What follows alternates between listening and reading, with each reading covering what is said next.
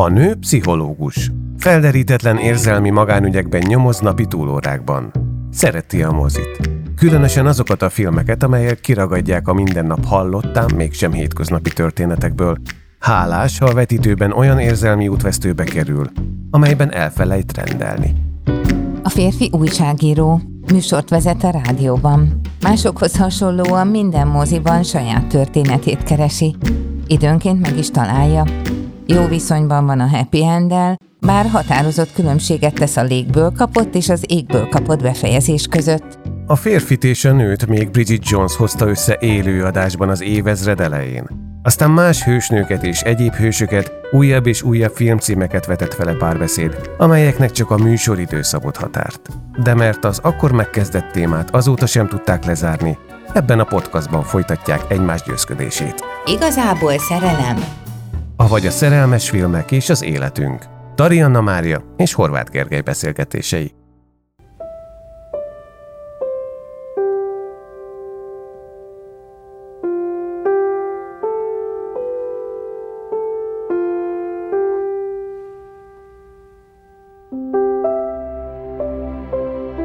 ...1965 forró nyara. Egy ájovai farmon egy háziasszony négy napra egyedül marad, míg férje és két gyermeke egy országos vásárra utazik.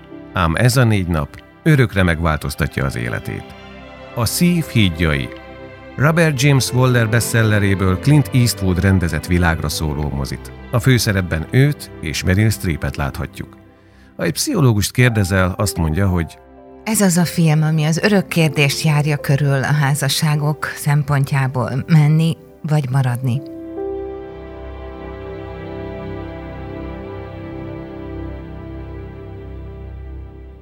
Kezdjük a végén. Kezdjük. Hogyan szavaztál, amikor újra nézted magadban? Ott a vége jelenetnél, amikor Meryl, a háziasszony Francesca majdnem kinyitja a kocsi ajtót, és elmegy az előző négy napon az életébe betoppant szerelmével, de aztán mégsem. Tudtam, hogy nem fogja kinyitni. Ez kibújós válasz. Nem akartam, hogy kinyissa. Nem akartad? Nem. De azért nem akartam, mert egy kicsit más ennek a négy napnak a története, hanem egy igazi magányos lovast ismerünk meg, aki nem Kaszanova, de hát azért mégiscsak egy nem akármilyen pasi. Tehát ha nála egy kicsit mondjuk így lágyabb, vagy azt is mondtam, kötődésképesebb karaktert látunk, akkor, akkor szerettem volna, ha kinyitja. Így úgy hiszem, hogy jól döntött, hogy, hogy megtartotta élete leggyönyörűbb történetének ezt a szerelmet, amiben addig előtte meg utána sem volt része, és ez valahogy gazdagította őt. Mert azt gondolod, hogy egyébként eh, nem járt volna jól, vagy nem jártak volna jól, nem tudták volna ezt a szerelmet megőrizni? Szerintem úgy jártak volna, ahogy Francesca el is mondja, hogy eh, tönkre menne a szerelmük, hogyha ő most elhagyná a családját, és elkezdenének együtt élni. Nem azért, nem az örökmondás miatt, amit mindig szoktak mondani a házas, hosszú házasságokban a felek, hogy ó, minek elválni, mert a következő úgyis ugyanilyen lesz. Ugye hát ez a minek eszel, úgyis éhes leszel, szóval, de tulajdonképpen, ahogy a nő megfogalmazza, hogy a különlegességet, a lopott órák, percek, pillanatait, a fantasztikus kiemelkedést a mindennapok szürkeségéből, vagy egyformaságából, amit ő egyébként megél, azt nem tudnák hosszan megőrizni, mert ő sosem tudna boldog lenni úgy anyaként, hogy választotta a nő boldogságát, a két gyerekét hátrahagyva, meg a férjét, aki jó ember, és sosem vétett neki. Szóval ez egy olyan lelkiismereti kérdésnek is tűnik, amiben ő bölcsen dönt, nem azért, mert a férjét nem hagyja el, hanem mert olyan okosan gondolja át a következményeket, hogy ez egyszerűen lenyűgöző. De nem kellett volna akkor ezt, vagy nem lehetett volna ezt úgy nagyjából két nappal korábban is ugyanígy gondolni? Mármint, hogy el se kezdje? Hát, ilyen alapon. Hogy ne kezdte volna el élete legnagyobb kalandja? De honnan tudja, hogy élete legnagyobb kalandja? Azt lehet tudni az első tíz másodpercben, ahogy egymásra néznek, ahogy ö, még meg se tudjuk, hogy ő egy olasz nő, amikor már látjuk, hogy ez a nő valahogy nem vagy, vagyis, hogy nem egy farmfeleség, hanem valahogy van benne valamilyen tűz, valamilyen életteliség, ami másfajta temperamentum, amit visszafog Így aztán tulajdonképpen egyáltalán nem meglepő, hogy ezt a négy napot igazából ő hívja életre azzal, ahogy már a hídon nézi azt a pasit, ahogy már, már fél órával előtte, ahogy útba igazítsa és beszáll az autóba, akkor látszik, hogy iszonyatosan ki van éhezve valamire, hogy történjen végre valami. Hát én az első jelenetek soraiban azt tapasztaltam, vagy azt éreztem, hogy tulajdonképpen mindegy, hogy a Clint Eastwood jön ide, vagy a Danny DeVito, hogyha Danny DeVito áll meg az autóval, akkor ugyanaz történik. Ha ránéz, szól két szót, szépen ugyanúgy lehull a ruha egy ponton túl, mert annyira a robbanás volt belül, hogy kiélezve, tehát hogy tényleg csak egy, nem, bocsánat a kifejezés, majdnem azt mondtam, hogy pöccintés kellene, és indul, robban a motor, de tulajdonképpen... Még szép, hogy nem mondod. Igen, milyen jó, hogy nem így, mond, nem így fogalmaztam, de hogy tényleg egy olyan helyzet van, amit nem nehéz egy férfi embernek bár, szinte bárkinek onnét tovább lépni, aztán hát szerencsére Clint Eastwood megy, és nem Danny DeVito, de mondjuk ez a történet elejére vonatkozik, amit én mondjuk úgy fogalmazok meg, hogy kereste a kihívást. Bár tetszetős ez az elmélet, szerintem nincs igazad, vagy legalábbis nekem más a véleményem. Nem minden férfi, bármely férfi nem tudta volna ezt kiváltani, azért az hagyja, hogy Clint Eastwood jön, és hát azért mégis az ő férfias sármia, hát azért nem akármi, de egy érdekes férfi jön. Tehát nem az a lényeg itt, hogy férfi, hanem az, hogy egy férfi, aki olyan életet él, amire Francesca lehet, hogy korábban eléggé vágyott volna egy izgalmas, érdekes dolgot, egy kalandot. Most nem a szexuális értelemben vett kalandra gondolok, hanem arra, amit, eh, amit megtud Kinkéttől, ugye a filmbeli fotóriportertől, aki bejárta a világot, fantasztikus történetei vannak, és a hát nyilván ott már van egy választás abban, hogy ez a történet berobbanjon, vagy sem, amikor azért a férfi csak elmondja, hogy, hogy neki úgy egy emberre nincs szüksége, mindenkire szüksége van, egy különleges az nincsen, mert jól érzi magát az emberek között, szeret emberek között lenni, és hát tulajdonképpen azt írja körbe, hogy neki azért nincsen felesége, vagy egy meghatározott fix hely az életében, családja, mert jól el van a mindenkivel.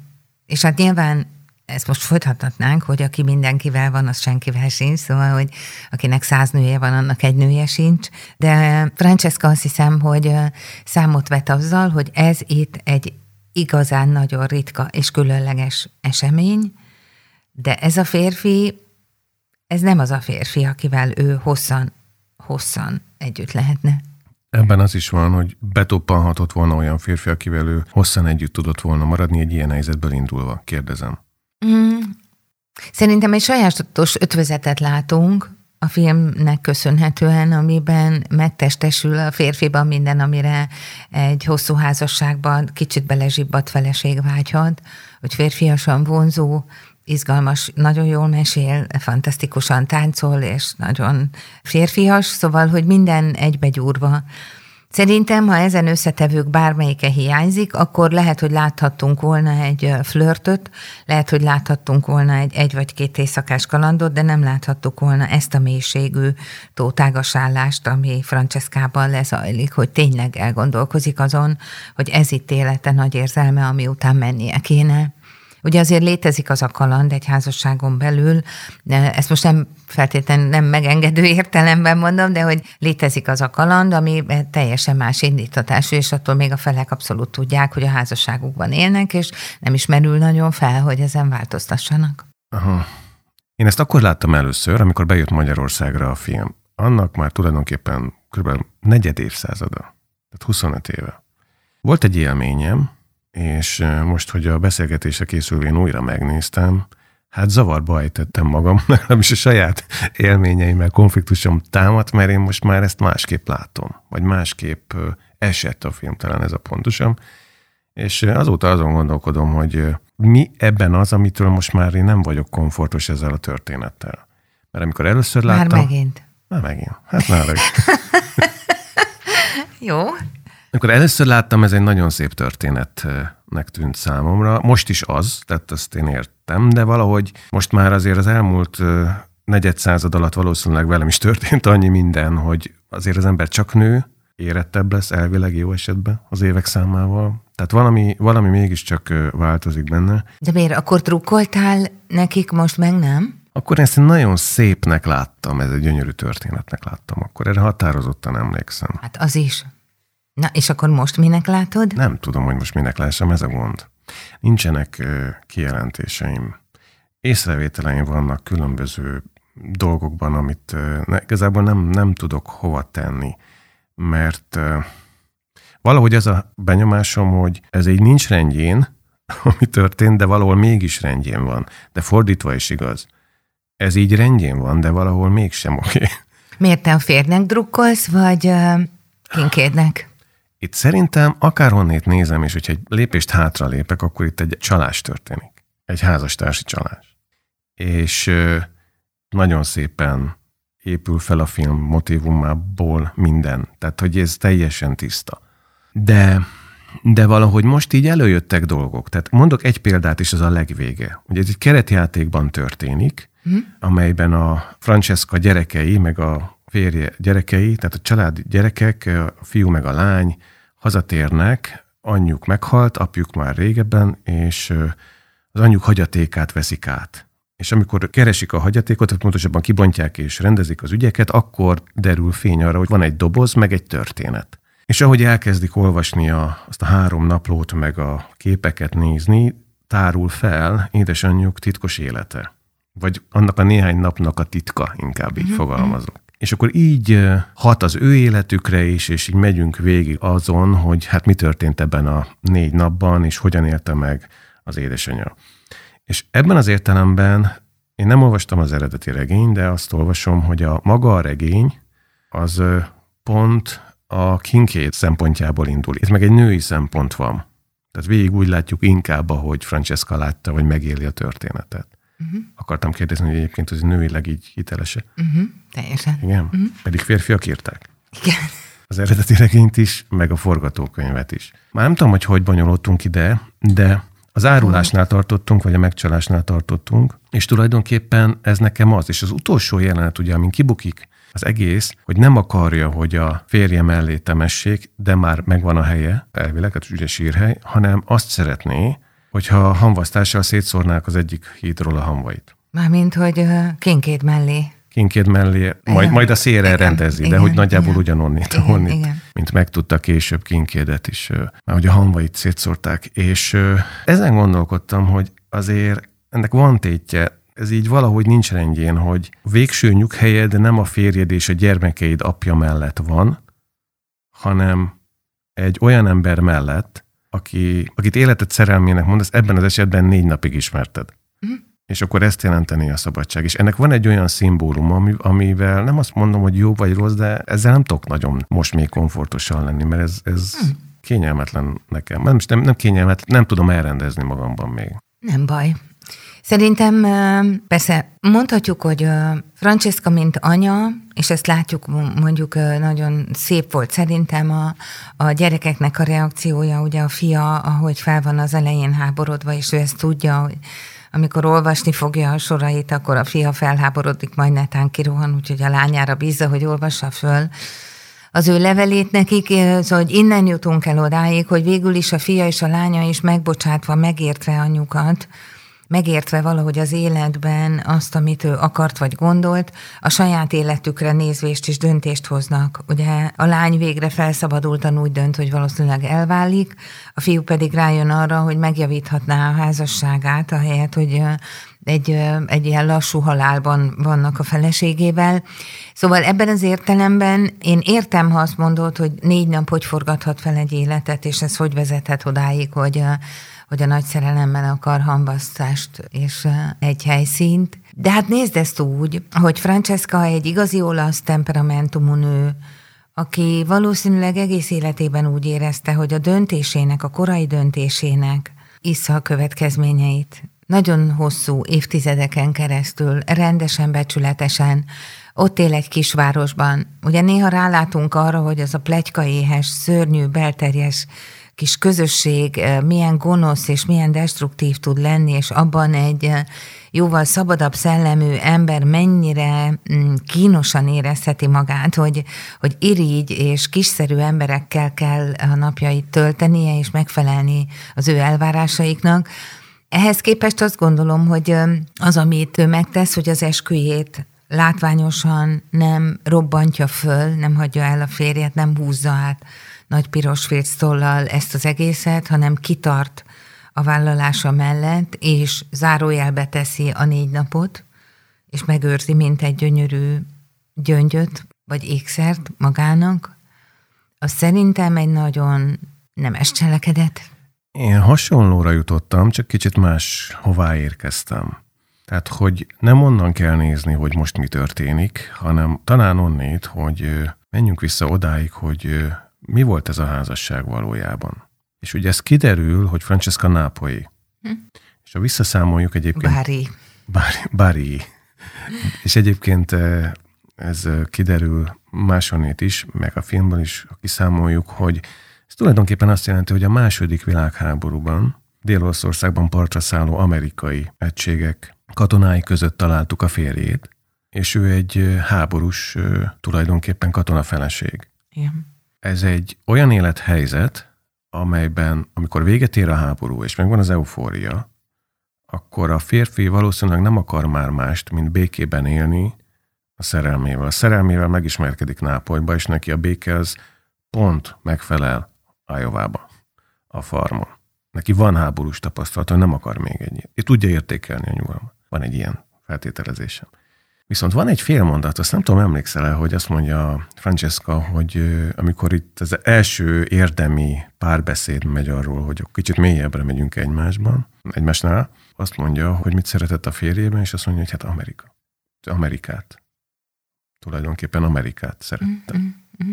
Itt van egy olyan találkozás, ami, amit innét már csak gyógyítani kell. Abban a pillanatban, amikor levonulnak az érzelmek, és kiderül a valóság. És ebbe a helyzetbe ne, csapódik be, ugye? Ilyen sorszerűen, ahogy mondani szokták, hogy egyszer csak elmegy a férje és a két gyerek, és akkor megérkezik sehonnan közepéről, vagy közepére az ember, aki aztán a, a négy nap alatt a szerelem lesz. Szóval, hogy ez egy ilyen felülről megkomponált történetnek tűnik ebben az értelemben, mert már az adott helyzetben mégiscsak ez az élmény fontos lesz arra vonatkozóan, hogy hogyan lehetne élni, vagy milyen lelki közösségek lehetnek a látható vagy láthatatlan világban, azt hadd fogalmazzam így. Tehát, hogy valami olyasmi, ami nem élhető itt tovább így, mert nincs az a jó döntés, ami a kettőjük esetében jót tud mondani, ahogy te is elmondtad, hogy jót tud tovább menni, de ezzel az élménnyel mégiscsak dolgozik. Szerintem. Hát ez ki is derül. De egyébként mind a kettő. Uh-huh. Szóval, hogy én azt látom, hogy valahol ott az elején Ugye sokszor beszéltünk arról, hogy, vagy pedzegettük inkább, hogy a, a megismerkedés az mennyire fontos, meg a megismerés az elején. Mm. Szerintem valahol ez a történet, az övék valahol itt lett aszimmetrikus. Majdnem így láttam, csak kicsit láttam másképp. A férj, Richard, a második talán mélyebb beszélgetésben az derül ki, hogy nem örült igazán annak, hogy a gyerekek megszülése után, vagy születése után Francesca tanítani akar. Tehát így marad ő egy olyan gyerekeket nevelő farm feleség, aki nyilván dolgozik a farmon mindenfélét, miközben kiderül, hogy, hogy így verseit abszolút még ma is szavalja, hogy imádja a költészetet, a jó jazz szóval, hogy egy annyira kultúr lény, aki hát meg tud lenni egy farmon hosszan, látjuk, csak éppen nem láthatóan, de elég mélyen boldogtalan. Szerintem az, hogy ő amerikai katonát látott, és ebben Amerikát látta az első kapcsolatuk elején, mondjuk, amikor nem tudjuk, hogy igazán mi történt kettejük között, akkor nyilván tudhatta volna, hogyha megkérdezi, hogy az amerikai katona honnan jön New Yorkból, vagy pedig Iowa-ból, akkor ez nem pont ugyanaz, mert hát Richard egy farmról jön, ami száz éve már az övé, vagy a családjáé, és nem is esze ágában nincs eladni, tehát hogy nincs arról szó, hogy én nem moccani lehetne. Ebben igazad van, de hát Nápolyból nézve Amerika, Amerika. Hát persze, persze. De hát ő egy tanult nő, tehát azért szerintem az, hogy Iowa milyen, hogy valójában milyen, Abban most gondolhatnánk, hogy hát egy olasz kisváros is, mert azért Bári Nápolyhoz képest kisebb, tehát ott is vannak plegykák, ott is van piazza és kávézók, és akkor mindenki jártatja a száját, és nézi a másikat. De hát azért valahogy az a fajta tényleg gonoszkodó közösség, ahogy látjuk itt az ő lakóhelyén, az azért nagyon csüggesztő, és az a barátnő, aki hozza neki ott a, ugye a harmadik napon, amikor már búcsúznak, akkor berobban semmiféle ellenállást nem tűrve az enyhén szóval gömbölyded háziasszony barátnő a tulajdonképpen elég szörnyű vicceivel, és az ők is ugyanolyan farmfeleség életével, és akkor látjuk, hogy, hogy Franceskának azért néha nagyon nehéz élete lehetett, hogyha hogyha van neki a személyiségének egy olyan része, amit nem mutat meg soha, azt látjuk csak, hogy miközben mondjuk a férje meg a gyerekei tévét néznek, vagy nem tudom, ő olvas, meg igyekszik megtartani a rádiónak a kereső gombját, amikor a többiek át akarják tekerni valami egyszerűbbre. Szóval, hogy ő azért nem látványosan, de védelmezi a saját kultúraigényét, információ igényét. Tehát ebből a szempontból az ő házassága nyilvánvalóan szintén egy csalódás, hogy amire azért Richard rá is jön a, legalábbis a halálos ágyán, amikor magához vonja a feleségét, és azt mondja neki, hogy nagyon szeretlek, és sajnálom, hogy nem tudtam beváltani az álmaidat. Na, egy picit köszönöm, hogy ezt szóba hoztad. Egy pillanatra hogy tegyünk egy lábjegyzetet, mert ettől, ettől ki vagyok. Ezektől a, ezektől a mondatoktól, ha férj, a tiszta, a jóságos, a rendes, a pozitív, minden jelzőt ugye hallunk rá, és nem csak ez a mondat irritál kicsit, hanem ez az egész szerep, ezzel se tudok mit kezdeni, megmondom. A férj szerepével? Hát igen, meg ezzel a típussal, meg avval a dramaturgiai helyzettel, amiben egy ilyen férfi kerül ebben az Igen, esetben. Ő egy egyszerű jó ember, végig dolgozta az életét, felnevelte a két gyerekét, rendesen bánik a feleségével, jól ellátja a farmot, biztosítja az egzisztenciát. Mit akarsz még? Ugye Múltkor láttunk egy olyan filmet, és beszélgettünk róla, amikor volt egy hasonló helyzet. Most Richardot Charlie-val fogod összehasonlítani? Charlie volt a házassági történetben a, a srác. Nincs jó férj. Hogy ne lenne? Ki? Hm. Hol itt? Tehát, ho, ho, ne egy klisébe gondolkodjál. Na de pont, pont az a gondom, hogy klisévé válik. Na de hát ez egy film, hát hogy ne klisé lenne benne, hát különben de nem akkor beszéljünk a másik kliséről egy picit. Hogy, Clint Eastwoodról? Igen, csak hm. hogy hadd menjek vissza odáig, hogy ez a mondat elhangzik a halálos ágyon, amikor már idős, beteg, a Meryl Streep leápolta, vagy ápolta eleget, és akkor a, kvázi az utolsó leltével ezt mondja, amit az előbb felhoztál. Én nem tudom, mennyire életszerű egy ilyen mondat, de szerintem nem. Szerintem meg nyilván szirupos egy kicsit, de ilyen helyzetekben egyébként szerintem az érzelmek az emberekből tényleg így törnek elő adott esetben. Más felől meg szerintem ez valahogy egy, egyfajta utalás arra, hogy lehet, hogy azért Richard minden rendes embersége mellett valamit megérzett abból, hogy a felesége javarészt elvágyódik az utóbbi négy évtizedben, és hogy ez így valahogy nincsen rendjén, ez egy féken tartott elvágyódás, amit neki tulajdonképpen be kéne köszönni, hogy a felesége vele maradt, és szerintem ez történik meg. Hát ez életszerű. Ott a társad, és látod évtizedeken keresztül nem merül föl benned, hogy tegyél azért, hogy valami az ő vágyaiból valóra váljon. És azért még egy szituációt hadd emeljek ki, hogy Francesca nem vall le történetről.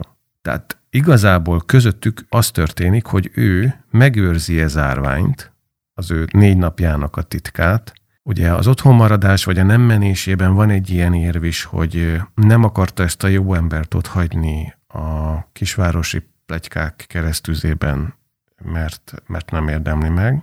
De ő maga mégsem mond. Ez a két ember házasságára vonatkozólag nagyon fontos hiány. Valaminek a kimondatlansága. És Ilyenekről beszélek, amikor úgy érzem, hogy valami nincs a helyén. Tehát ezért nem tudok annyira erőteljesen menni, és azt mondani mindenféle lábjegyzetek nélkül, hogy egy gyönyörű történet, mert gyönyörű, aminek ugyanakkor van egy sor olyan aspektusa, amiben benne lett volna a változás lehetősége, azzal, hogy nem mondta el Francesca, nem ad lehetőséget a változásra. Mert a kimondással létrejött volna egy helyzet. Lehet, hogy minden ugyanígy marad. Nem tudjuk, de nem mondta. És ebben az értelemben szerintem ez a bentartás, ez a magamnak megőrzés kihatott a házasságra, és legalábbis elvi alapon. Mert nem tudjuk, hogy mi történt volna, ha elmondja. És ezeknek a lehetőségeknek és reményeknek a magától értetődő megvonása ebben a dramaturgiában, ami miatt most nem tudom annyira egyértelműen elhelyezni ezt az egyébként nagyon szépnek mutatkozó történetet. És akkor még egy... De, de most akkor is közbeszólok, Jó. hogy a rendes ember figuráját, most gondold el, amikor a végén ott ülnek a teherautóban, akkor azt nem kezdtem el számolni, de akkor nagyon elkezdtem haragudni Richardra, férjre, hogy már nagyon sír Francesca, hisz látja az ógó esőben állva a szerelmét, és a férj ül az autóban, vezet, és nem veszi észre, hogy a felesége ott szenved.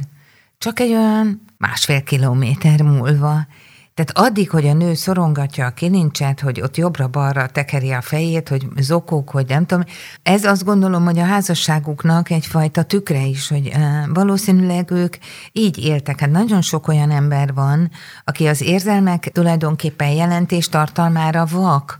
Nem azért, mert egy rossz ember, hanem egyszerűen nem, nem látja, hogy mit lát, vagy nem is tudja, hogy mit kéne nézni, vagy fel sem merül benne, hogy különösképpen kellene beszélni arról, hogy ki hogyan van.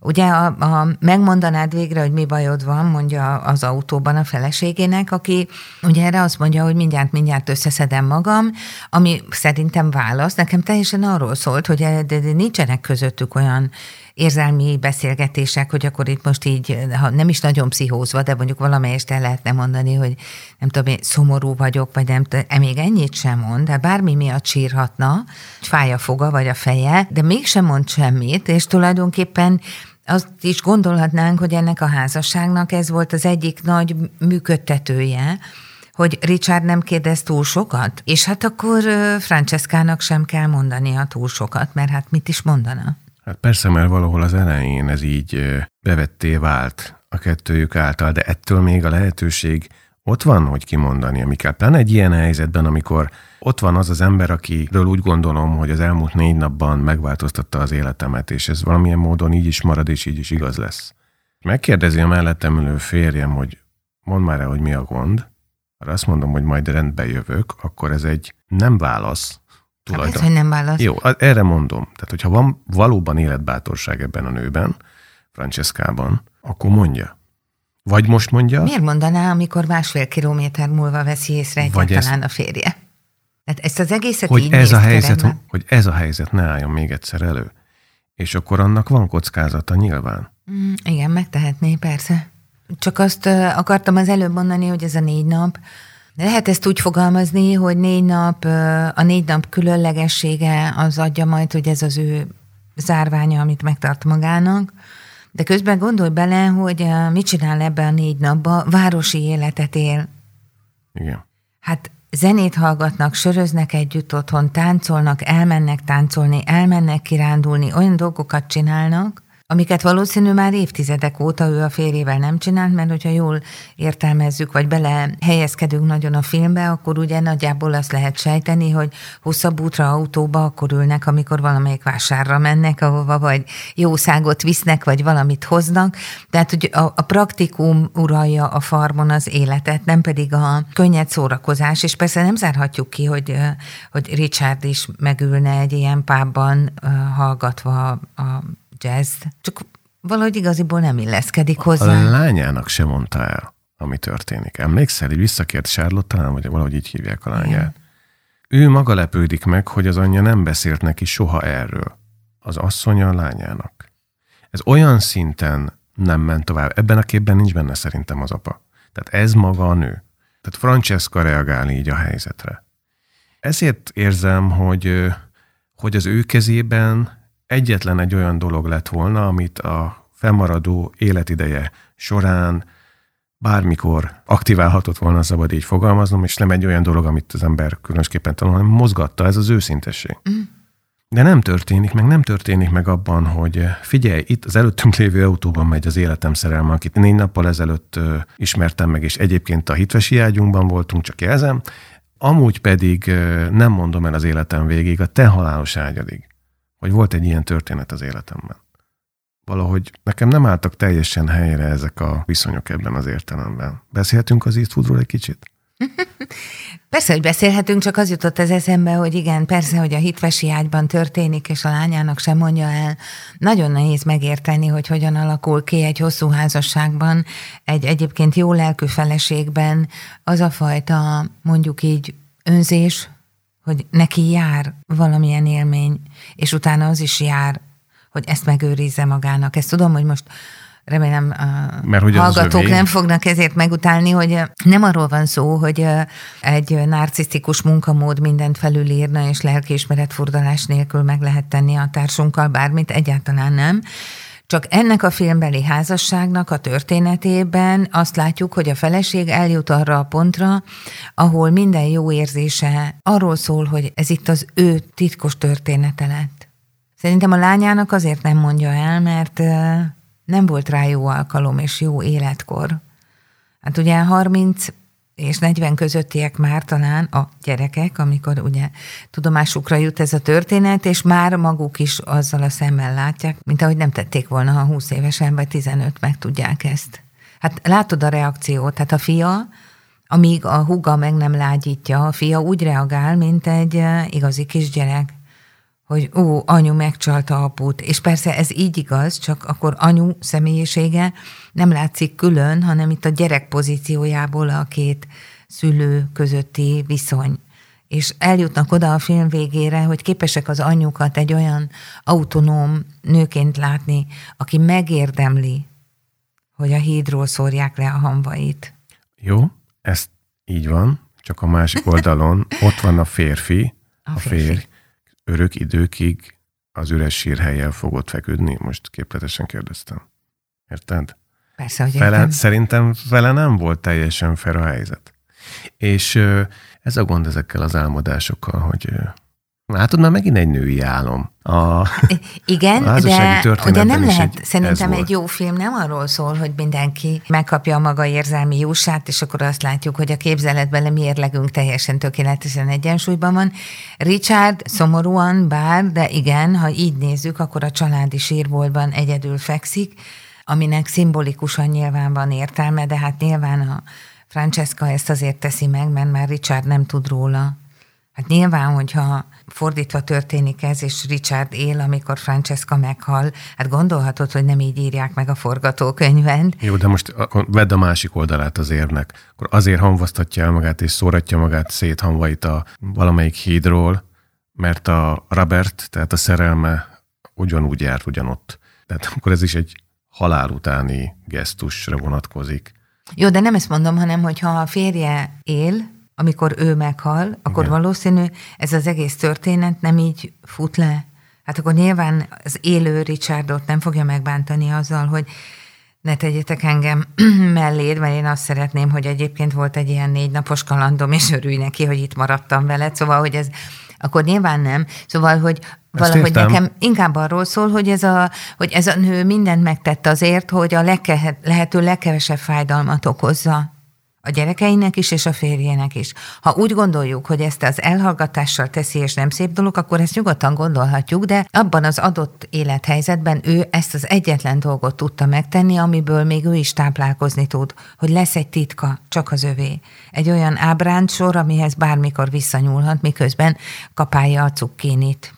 Hogy egy kicsit beszéljünk Robert figurájáról is, akit Clint Eastwood alakít. Atipikusan egyébként, mert ugye nem a szűkszavú, majdnem azonnal lövő hős ebben a szerepben, hanem kifejezetten egy intellektus, aki filozófikus gondolatait is lírai tömörséggel és egyből meg tudja fogalmazni az asztalnál, majd kifelé menet a háziasszony saját farmján séta közben Yeatset idéz, szóval azért, na mindegy. Mi bajod van ezzel? Szerintem egy kicsit túl van lőve, de nem is ide akarnék kiukadni, hanem, hanem oda, hogy ennek a filmnek tényleg nagyon finom szimbolikája van. Ugye mit csinál Robert?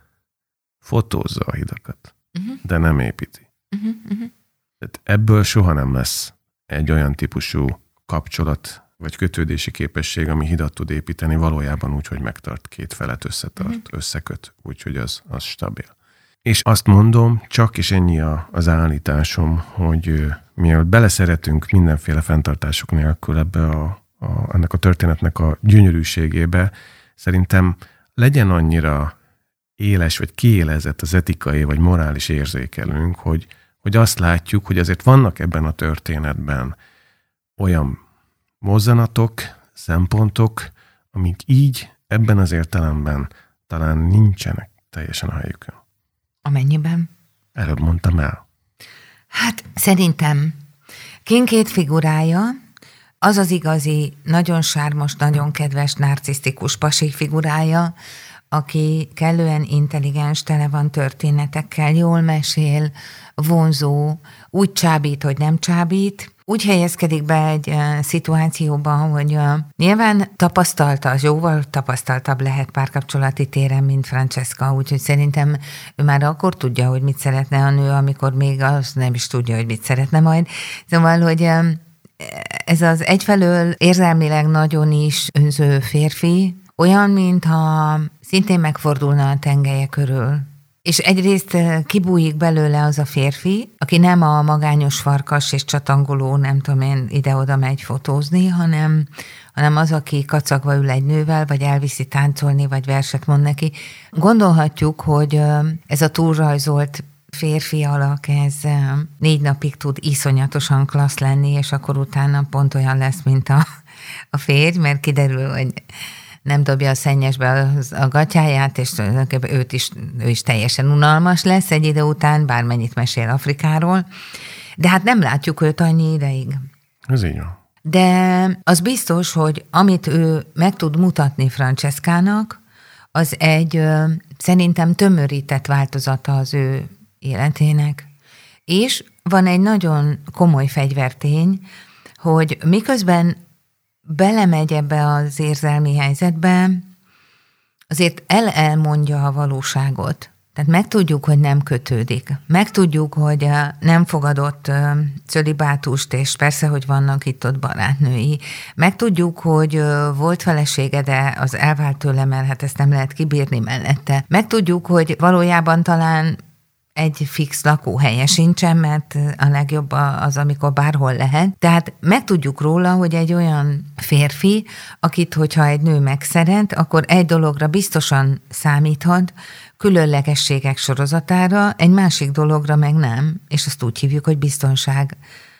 Ezért is szép, vagy azt is mondhatnám tankönyvi az ő alakja, mert azt hozza, amit általában a narcisztikus párkapcsolatokban egyébként a nőknél látunk, hogy a filmszerűen gyönyörű jelenetek mindenkit elcsábítanak, tehát azért az ma is megtörténik egy-egy ilyen típusú férfi csábít úgy, hogy mondjuk felviszi a jegesvödörben a pesgőt éjszaka, a, nem tudom, a János hegy tetejére, és akkor ott akár hóban, akár egy kis iglut építve meg pesgőzteti a nőt, aki ettől úgy érzi tényleg magát, mint hogyha egy filmforgatáson lenne, vagy el lehet benni éjszaka hintóval. Szóval, hogy lehet olyan különlegességeket csinálni, mint a kazalrózsa, meg a limuzinok, meg nem tudom én mi, ami teljesen előtt az átlag Józsi udvarlási szabályaitól, akinek maximum egy csokor hóvirág jut eszébe, ha egyáltalán. De nyilván egy narcisztikus férfi nagyon ért ahhoz, hogy milyen szövegkönyvet és milyen forgatókönyvet kell elővennie ahhoz, hogy az a nő azt érezze,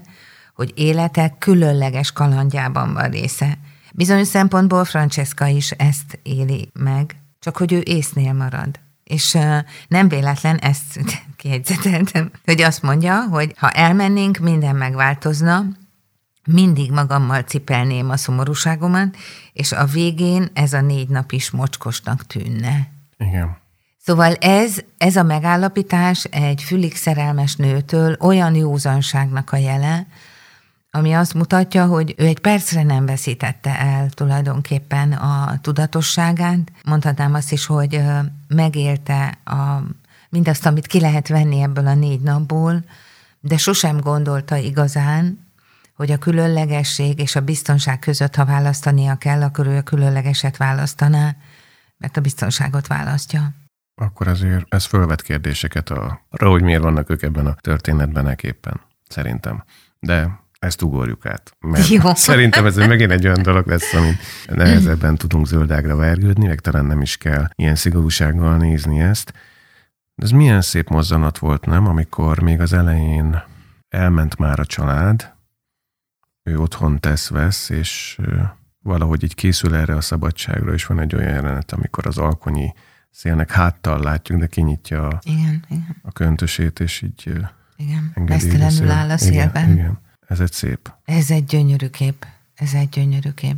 Mint ahogy az is, hogy utána benne a szobában már a tükör előtt azért legalábbis a köldökét meglátjuk, és akkor látjuk, hogy ez a nő nőként azért lehet, hogy boldogtalan. Hát igen, de ez megint, igen, a férj, az ugye, az egy katona ember, tehát a fizikalitása, és egy magas ember még mindig, és nem eresztett sörhast, és nem tudom micsoda. Tehát a fizikalitásban nem volt szerintem alatta persze, a, a Kilintnek ebben az értelemben. Aki egyébként regényben 52 éves, és a filmforgatás alatt 65 éves volt, az Eastwood. Meryl Streep szerepe szerint, tehát Francesca Ken 45 éves, valóságban, amikor ezt a filmet forgatta, 46. Milyen gyönyörű nő volt 46 Szuper. évesen. Nem is, ha azt mondom, hogy szexi, akkor meg... néznéd. Nem, ez nem szexiség, ez egész egyszerűen valami mélyről jövő finom érzékiség. Igen, igen, pontosan. És ezt uh, annyira szépen bontották ki igen. ők, igen. ketten, igen. hogy uh, az a része tényleg maradandó. Tehát nagyon finom mozdulatok, mozzanatok segítették őket előre. Egyébként, hát azért két színész óriást látunk. Hát képzeld el, hogyha Isabella Rossellini lett volna, mint sokáig esélyes volt erre a szerepre. Uh-huh. Fölmerült még azt hiszem Susan Sarandon neve is, uh-huh. és az volt a sztori, hogy a regényt megjelenése előtt még megvette az Amblin Entertainment, ez a Spielbergéknek az egyik cége volt. Kijött a könyv, azt hiszem 92-93, giga siker lett, és akkor egyből meglett a Clint, de úgy, hogy ő lesz a főszereplő. Uh-huh. És akkor itt ment mindenféle ilyen hollywoodi csiki-csuki, hogy hogy kéne átírni a forgatókönyvet, és a többi, és a többi, és akkor a Richard LaGravanéze, aki a csodálatos Baker fiúkat is írta egyébként, írta azt a változatot a forgatókönyvben, ami nagyon tetszett az Eastwoodnak. És akkor éppen kiesett valami rendezőjelölt, és mondta, hogy akkor megcsinálja, uh-huh. de a Meryl streep És a Spielberg nem akarta elsőre. Csak kitartott uh-huh. annál, hogy a, a Meryl Streep legyen az Eastwood. És mondta, hogy úgy forgatták, ahogy a jelenetek sorrendje volt, mert ők, mint férfi és nő, meg mint színész sem ismerték egymást korábban így. Tehát ugyanazt a menetrendet kellett, hogy egymást is így ismerjék meg menet közben a forgatással Zseniális. együtt. Ugye? Tulajdonképpen az ő érzelmeik valódiságát is látjuk akkor ezek szerint igen, a kockákon. Igen, és ez a rendezői zsenie az Eastwoodnak szerintem. Igen, igen. És, és az a bátorság, mert ez akkor nagyon nagy bátorság volt, hogy a, nem tudom, azt hiszem, a Nincs Bocsánat után és a nem tudom melyik krimi előtt, vagy között bevállal egy ilyet, ahol Igen. sokat kell beszélgetnie, legalább háromszor annyi szöveget kellett megtanulnia, mint addig szerintem életében. Nem csípőből tüzel, érzései vannak, szóval nagyon jó, jó ez a dolog. Aztán Nekem köz... nagyon tetszett a karaktere, és Francescái is. Emlékszel? Szerintem ott váltott a Francesca magában komolyabb szintre, hogy mondjuk ez a flörtnél több lehet, tehát hogy az ember maga egy, egy fontos tényező lehet az életében, amikor mennek először a híthoz, és azt mondja a Clint, Barryról beszélnek éppen, és mondja, hogy hát ő ezt ismeri, mondja Clint, mert hogy egyszer ott arra fotózott, hogy jött át Görögországból, és akkor látta, hogy szép a táj, leszállt, és ott eltöltött néhány napot. Erre a Francesca háromszor kérdez vissza, hogy de, de mi dolga volt? Hát semmi. Csak úgy leszállt, mert szép volt a táj? Igen ez a fajta szabadság, ami Így van. valamit meglátsz, és nem a kényszer hajt, hanem valamit a saját csodálatáért és belülről fakadó indítatásból csinálsz. Szerintem mm. itt, itt volt az a pillanat, amikor átbillent egy komolyabb történetbe a, a részénről. Ez így van.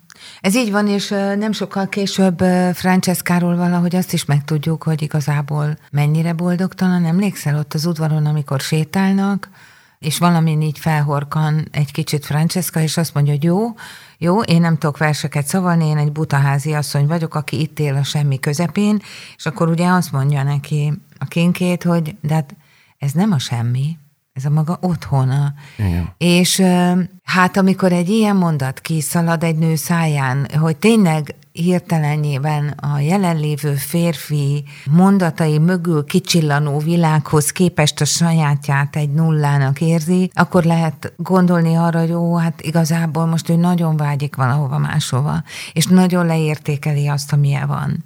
És ennek is lesz egy ilyen, egy ilyen nagyon erőteljes visszacsapása, amikor felértékelődik újra vissza, ugyan szomorúan vagy boldogtalanabb lehetőségeket kínálva, de a biztonság fényében felértékelődik az, amikor látjuk, hogy hazajön a családja, és ő megnyugszik, hogy ott vannak, hogy mind megjöttetek, és engem elöntött a nyugalom, valami ilyesmit mond. Igen, de emlékszel, hogy a férje felé mi volt a mozdulat? A, igen, a távoltartás. Ilyen, hát ilyen, ilyen megsimogatom a mákosodat, hogy nehogy véletlenül közelebb gyere egy puszér, vagy valami igen, ilyesmi. Igen, igen. Volt, de egyébként nyilván ez is egy familiáris, tehát ismerős egymás közötti mozdulat volt, de azért ezek a dolgok, na ezek nem kerülnek aztán a helyre, de ez csak a... Jó, most mondhatnám, hogy Richard se rohant oda átölelni a feleségét. Egy ilyen mozdulat után. Jó, nem, persze. Ne, nem az, hogy a tyúk tojásban most a mozdulat volt előbb, vagy a nem, mozdulat már ez, izé, hogy ezt az életben nem ezt nem, nem, nem, ez semmi, semmiképpen nem, csak azt, azt mondom, hogy, hogy annak a tétje, hogyha megtörténik egy ilyen zsilipelés négy napra, amikor valahova teljesen máshová kerül. Hát azért ezt kalannak nevezhetjük tulajdonképpen, csak a fontossága lesz aztán sokkal komolyabb, meg túlmutató egy ember életében, akkor ez valamilyen módon nem esélytelen, hogy amiben él, azt is formálni tudja. És én mm. azt érzem itt ebben a történetben, hogy ez itt ennek nem volt így esélye azzal, hogy ez egy belső, megőrzött, titokká vált, amit nem akart kiadni, amit dédelgetett, aminek nem hitt, a másikra és a saját házasságára vagy a családi életére való erejében én egyszerűen ennyit állítok. Biztos, hogy hatott rá. Biztos, hogy hatott a házasságára, hatott a saját életére. Ugye barátnőt vált, a tenyeres talpas szomszédasszony helyébe jön az a nő, aki lebukott egy flört során, és utána azért nagy kínlaudások árán, de aztán azzal a férfival élhet, akit tényleg szeret. Szóval Francesca sok mindent elkezd felvállalni, és végigcsinálja az életét, ahogy elvárták tőle, és mindig volt egy kincse, amit egy kis ládibkában tartott, és amit mindig nem megnézhetett szerintem. Akkor itt most Vége van. Oké. Okay.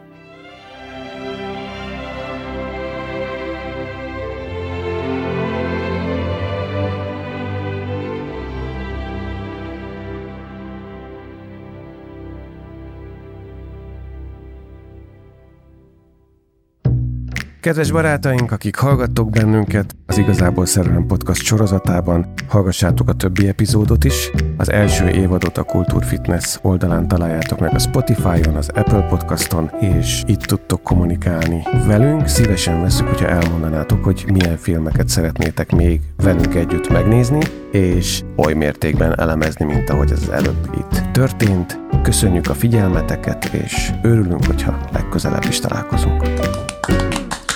Alien, alien. Ezt bele fogom tenni. Jó.